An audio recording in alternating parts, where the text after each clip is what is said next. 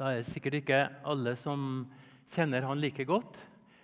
Eh, selv om du har, vært, du har vært i menigheten her en stund, har du ikke det, Steinar? Ja. Stemmer det.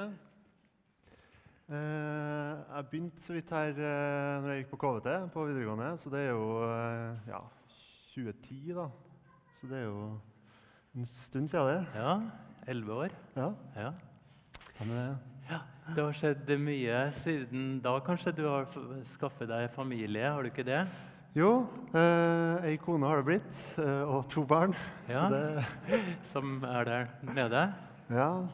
Veldig bra.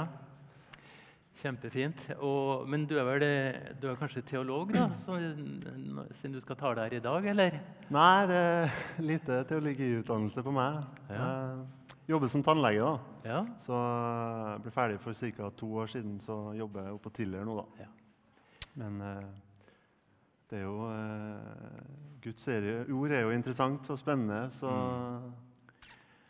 Veldig flott at du også kombinerer ditt yrke med å være aktiv med Guds ord. Så vi gleder oss å høre. Så vær så god. takk for det.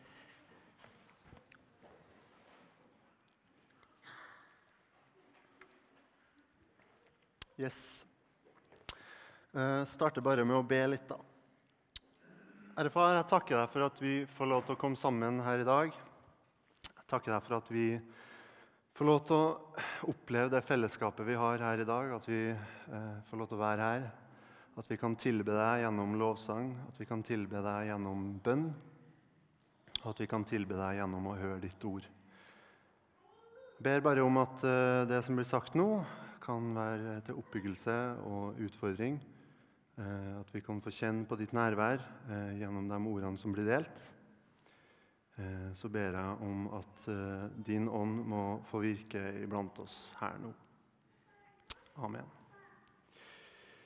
Yes. Jeg skal ta litt om Guds rike.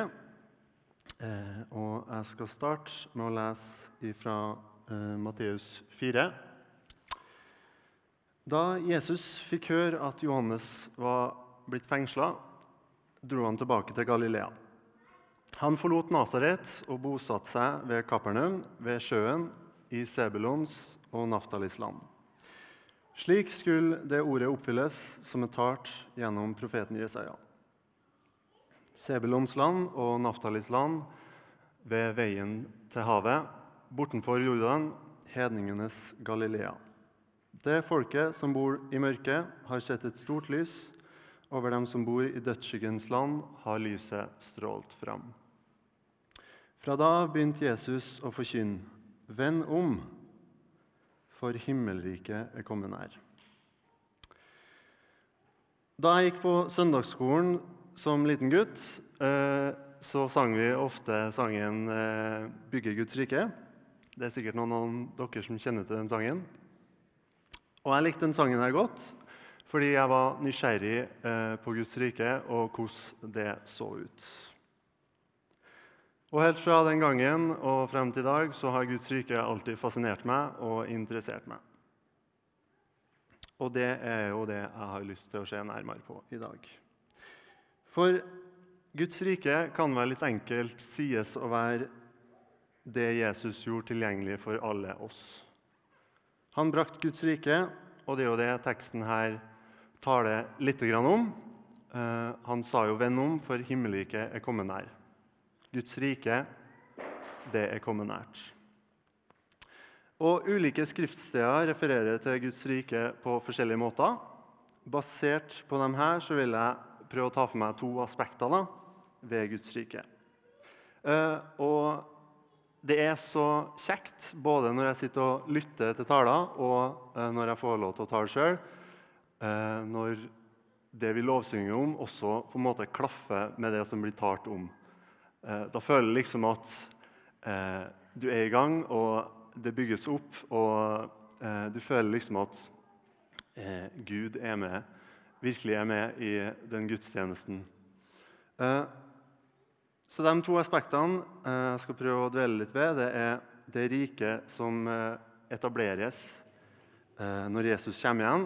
Og Det var jo litt av det som ble tatt opp i de lovsangene vi sang innledningsvis, hvor vi skal få oppleve eh, det fullendte riket og hans fullkomne regjering. Og nummer to eh, det riket vi får være en del av i dag, her og nå, eh, fordi vi er Jesu disipler, og Jesus er herre i våre liv. Eh, men før jeg starter på dem her, så skal vi se på hvordan et kongedømme beskrives i Bibelen, og hvordan den forståelsen påvirker hvordan vi forstår Guds rike. For vår utfordring når vi leser Bibelen, er tredelt. Tre ulike betydninger og ulike scenarioer som må forstås ut ifra ulike tekster. Det jeg har fokusert mest på, det er Guds rike, hans suverene regjering og rike, men Guds regjering er også mye mer, og det kan komme til ulikt uttrykk. For Gud har gitt oss veldig mye gjennom troa. Han har gitt oss løfter og en forvandling som vi opplever hver dag.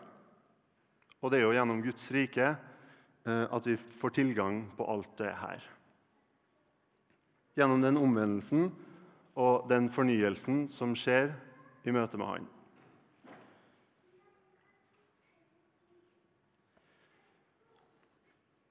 Guds rike er en nåværende realitet, men samtidig en fremtidig velsignelse. Det er noe vi tar imot i dag, og noe vi står i i dag. Men samtidig er det noe vi må ta imot i morgen og stå i i morgen. Og eh, Hvis jeg starter litt med Guds kongedømme da, eh, og Guds rike så er det sånn at I Bibelen eh, så finner vi to ord som beskriver kongedømmet. Eh, det hebraiske Malkut i Gamle testamentet og det greske Basilea i Nytestamentet. Eh, og begge ordene beskriver det samme. Det beskriver den statusen, autoriteten og suvereniteten som utøves av en konge. Malkut, som er ordet som brukes som et kongedømme i GT, er utelukkende brukt for å beskrive en konges styre, og ikke det riket som blir styrt, f.eks. Det greske Basilea i Nytestamentet kan i tillegg være selve kongedømmet hvorpå en konge utøver sin autoritet, eh, eller de som bor der, da, altså kongedømmets folk. Men dette er da sekundære betydninger. Basilea refereres i hovedsak til kongens autoritet på samme måte som Malkut. Og Hvis vi ser på Salme 103, eh, vers 19, så står det Herren har reist sin trone i himmelen. Han rår som konge overalt. Guds kongedømme, hans Malkut, hans universelle rike, hans suverenitet over hele jorda blir beskrevet her. Eller i Salme 145, eh, vers 13. Du er konge gjennom alle tider, du hersker fra slekt til slekt. Og det samme her. I Daniel, eh, i Det gamle testamentet, så står det følgende Du konge, kongenes konge, som himlenes gud, har gitt kongedømmet makten, kraften og æren. Alt dette er jo synonymer for kongedømme. Makt, kraft og ære. Alt dette er ord som forbindes, eller som kan forbindes med et kongedømme eller et kongerike.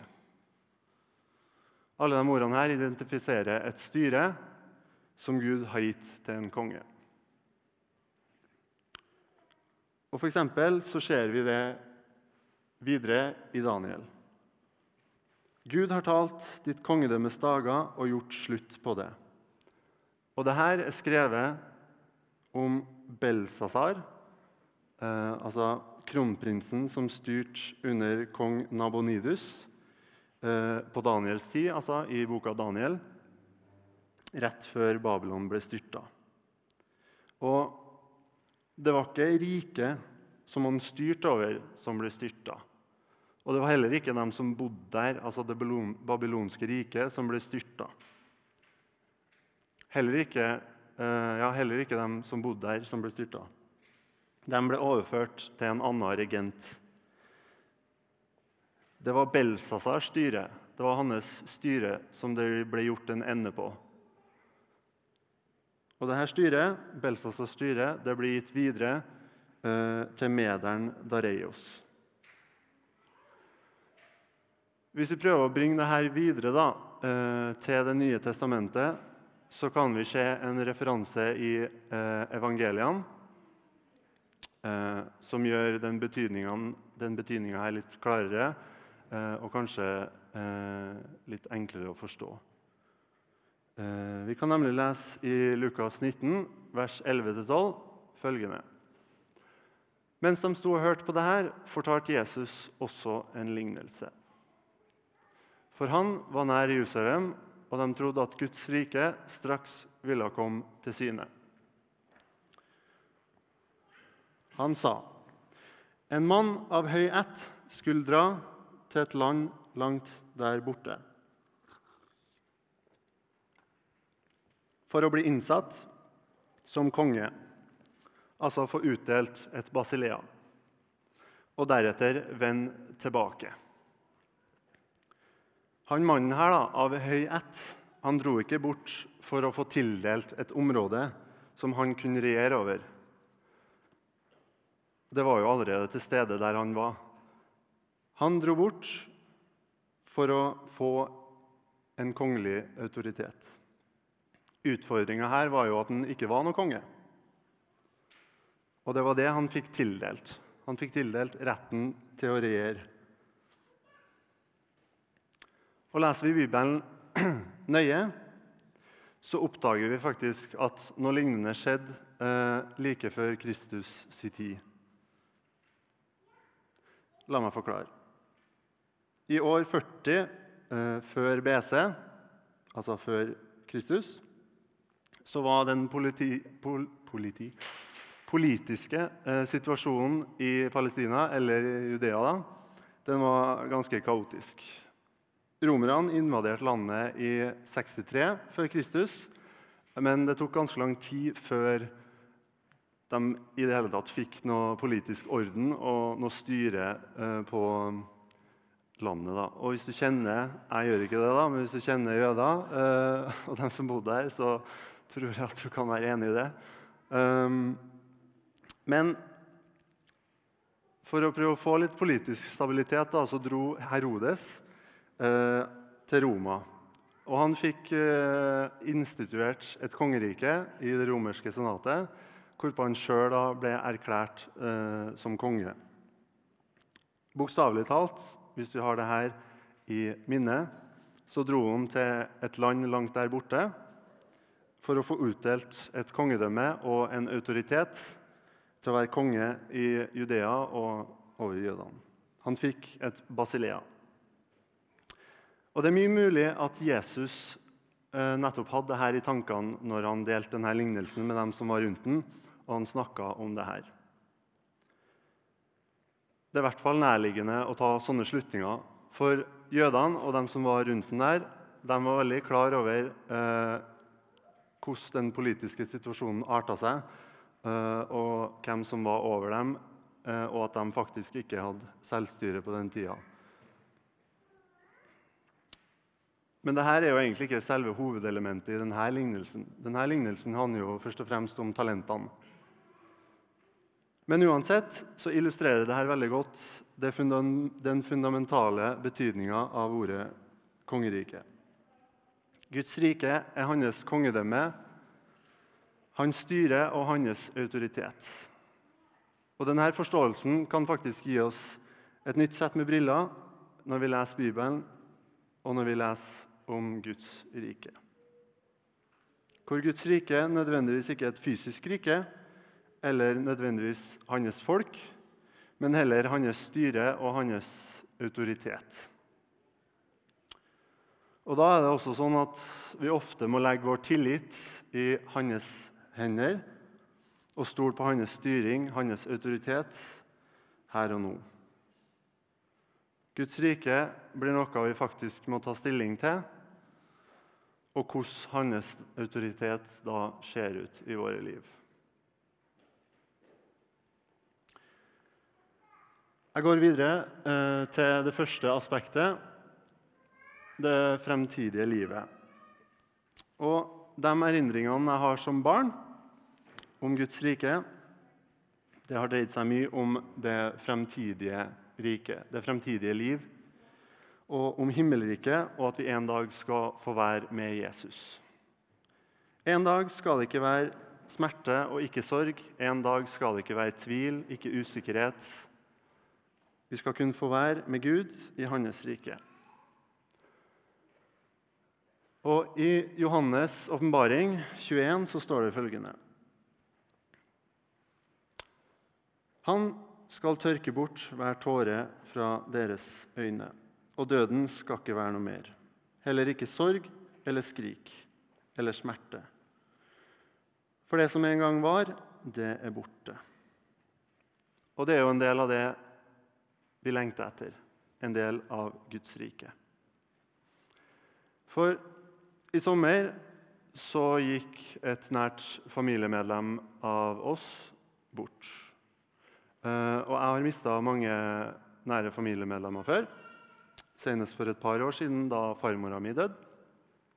Men flest av dem eh, i yngre alder. da. Men nå, etter å ha levd litt lenger, eh, lært litt mer, eh, fått litt flere erfaringer og lært Jesus å kjenne litt mer, så ble denne bortgangen eh, en helt annen opplevelse enn eh, det jeg har erfart og opplevd før. Denne gangen følte jeg virkelig på Guds løfter og hans velsignelser i den situasjonen vi sto i. For i den tida vi lever i nå, så opplever jo vi urett og urettferdighet. Eh, men i Guds rike, i den tida som kommer, så skal vi få oppleve hans fullendte rike og hans fullkomne kjærlighet. Og det håper vi bærer på, både for oss sjøl, men også for dem rundt oss og dem vi kanskje kjenner ekstra nært. Det blir kanskje ekstra spesielt og ekstra nært eh, i møte med døden. I Korinterne 15 så står det Død, hvor er din brodd? Død, hvor er din seier? Dødens brodd er synden, og syndens kraft er loven. Men Gud være takk, som gir oss seier ved vår Herre Jesus Kristus. Jesus han oppfylte loven, og han har gitt oss seier ved at vi får ta imot ham, og at vi får stole på ham, og at han blir herre i våre liv. Og På den måten så kan vi oppleve en dypere fred. En fred som ikke denne verden kan gi oss, men som vi bare kan få i møte med Jesus og i møte med hans forvandlende kraft. Og det er i sånne situasjoner den bærer oss. Det er kanskje ekstra spesielt og ekstra mye i sånne situasjoner.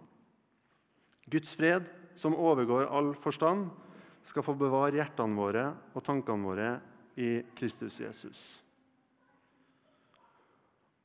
Og I sommer da når jeg møtte denne sorgen, så var det kanskje det jeg kjente ekstra mye på. Å bli bevart og båret av en fred som er uforståelig, og som ikke kan forklares med ord. Men det håpet vi har, det håpet som ligger fremfor oss, det kan forstås, og det kan forklares. Og det er det håpet vi har i Jesus Kristus i møte med døden.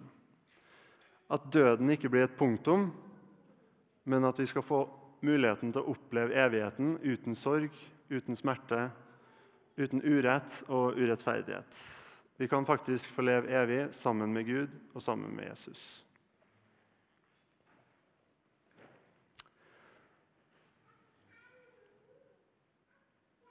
Jeg går videre til det andre aspektet Guds rike her og nå.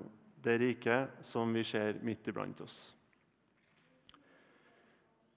En gang spurte fariseerne Jesus når Guds rike skulle komme. Han svarte. Guds rike kommer ikke på en slik måte at en kan se det med øynene. Ingen vil kunne si 'Se, her er det', eller 'Der er det'. For Guds rike, det er midt iblant dere. Og Frem til nå så har vi jo da primært sett på Guds rike som noe som ligger fremfor oss, det evige liv. Men det Jesus sier her, er jo at Guds rike faktisk er midt iblant oss. At vi kan se det iblant oss her og nå. Og at vi får være en del av det her og nå. Hm. Frelsen er faktisk ikke bare et løfte. Frelsen er faktisk ikke bare et forsikringsbevis. Den er faktisk så mye mer. Og Det er den delen av Guds rike jeg virkelig har lyst til å belyse litt nå. De velsignelsene som prosjekteres for fremtida og for den tida som kommer, og for den tida vi skal være med Gud, de kan vi faktisk få oppleve litt av her og nå. I dag. Og i Romerne så står det følgende.: Innrett dere ikke etter den nåværende verden, men la dere forvandle ved at sinnet fornyes, så dere kan dømme om hva som er Guds vilje. Det gode, det som er til glede for Gud, det fullkomne.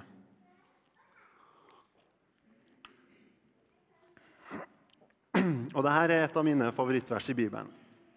Fordi det er faktisk veldig mye som ligger i dette verset. Det gjør det jo med mange vers, men det sier så mye om hva Gud har lova oss. Ikke bare for fremtida, men for den tida vi har sammen med Jesus her og nå, etter at vi har inngått et fellesskap med han, etter vi har latt han få bli herre i livene våre. Vi får muligheten til å bli forvandla.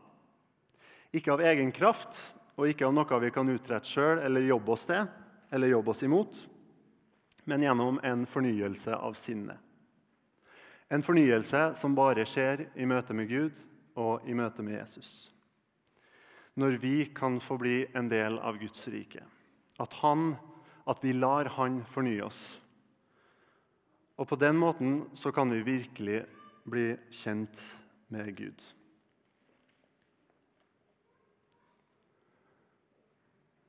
C.S. Lewis, eh, mange som kjenner til han forfatteren, eh, en veldig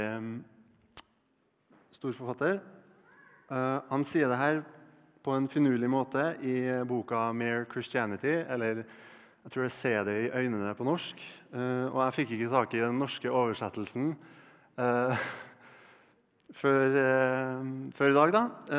den var bare tilgjengelig i papirformat. Jeg leser stort sett bøker i, på sånn Kindle, på, som nettbrett. Så så dette blir en litt eh, fri eh, norsk oversettelse fra meg. Men dere har originalen på veggen, så dere kan jo korrigere meg hvis det blir noen store feil. Se for dere sjøl som et levende hus. Gud kommer inn for å renovere huset.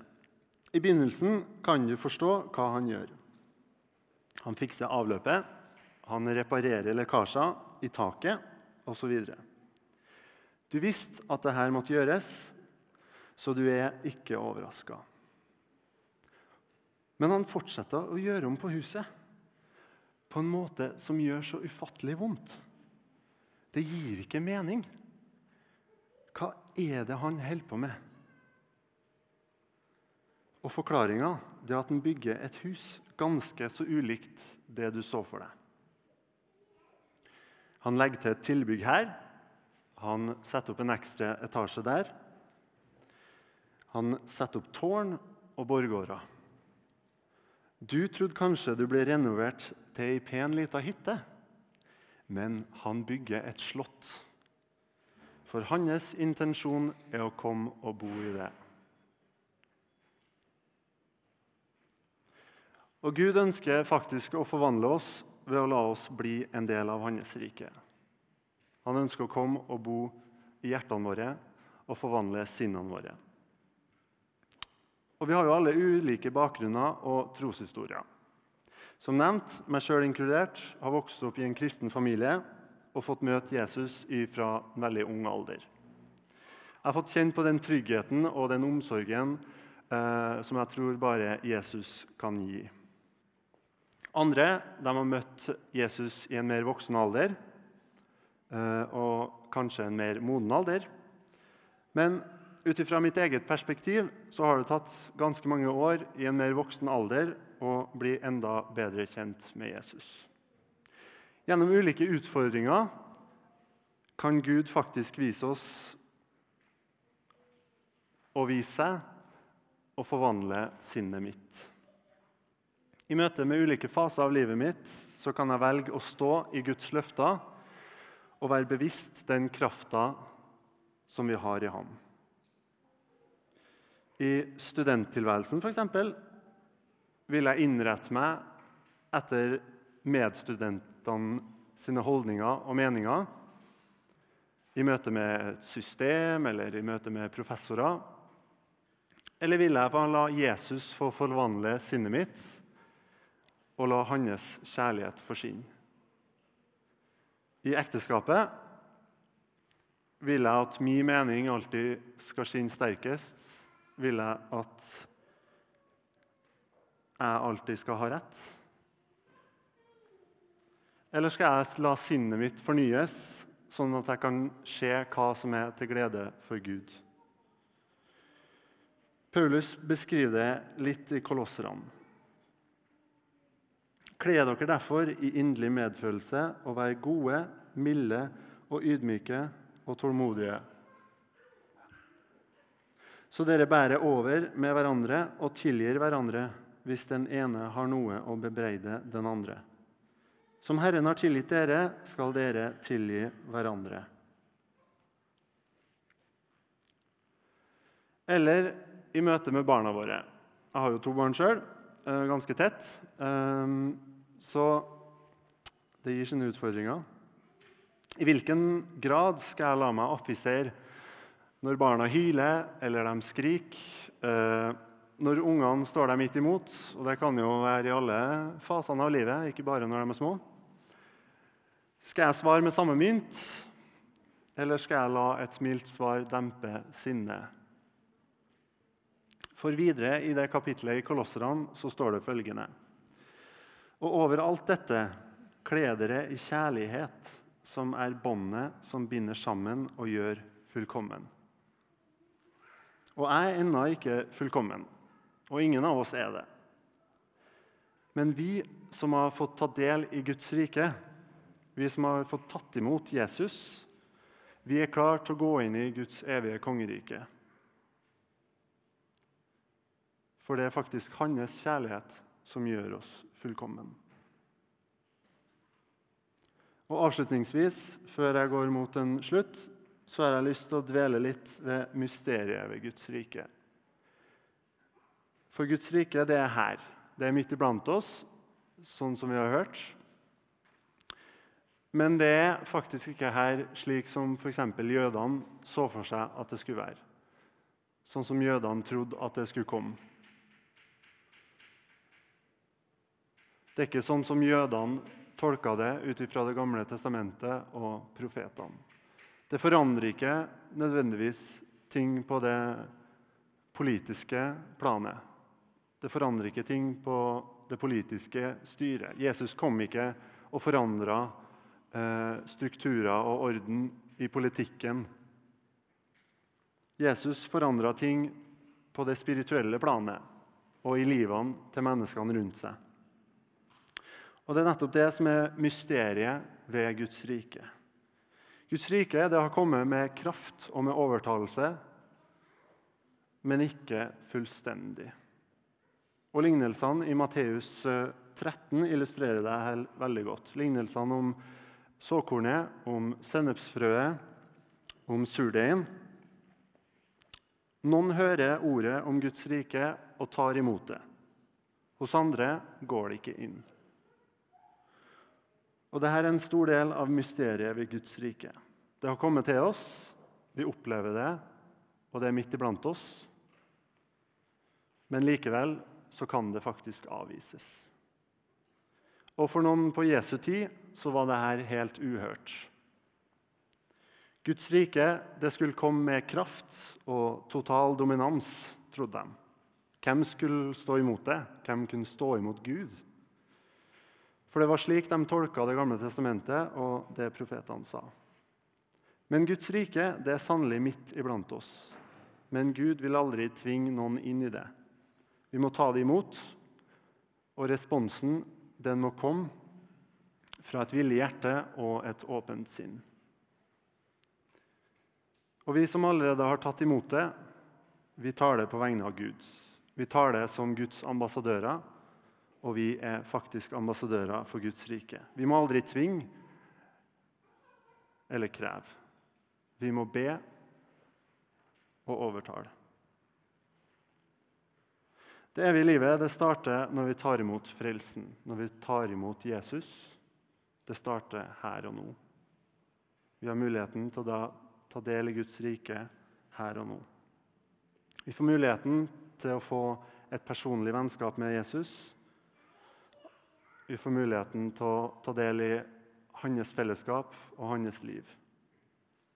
Og i Matteus 6, 33, så står det Søk først Hans rike og Hans rettferdighet. Hans styre og Hans vilje.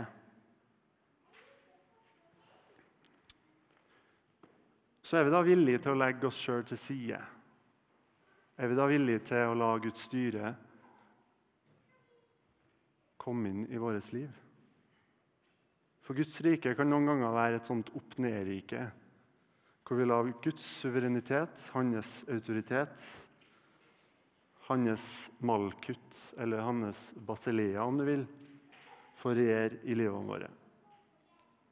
I hverdagen vår og i de møtene vi har. I våre relasjoner og i våre liv. Når vi ber 'La ditt rike komme', ber vi ikke da om at himmelen må komme ned på jorda? At hans rike skal komme ned på jorda, ned i våre liv, i kirka vår? Hvordan ser det her ut i ditt liv, i mitt liv? Hvordan ser det ut at Jesus får autoritet, at Gud får regjere, og at hans rike får plass i livene våre? Herre Far, jeg takker deg for at vi får lov til å være dine barn. At vi kan forvandles i møte med deg. Jeg takker deg for at våre sinn kan forvandles i møte med deg. Og at det er ingenting vi kan gjøre, at det er ingenting av det vi utretter, som har noen betydning. Men at du er den som forvandler, du er den som står bak det hele. Så ber jeg, Herre Far, om at din Hellige Ånd må tale videre til oss i dag. Jeg ber om at du må få tale inn i hjertene til alle oss som sitter her i dag. At ditt, rike, at ditt rike kan få en enda større plass i livene våre. En enda større plass i hjertene og i sinnene våre. Så takker jeg deg, far, for at vi har det evige liv. At vi har det forsikringsbeviset, og at vi en dag skal få muligheten til å se deg i ditt fullendte rike, ansikt til ansikt. Amen.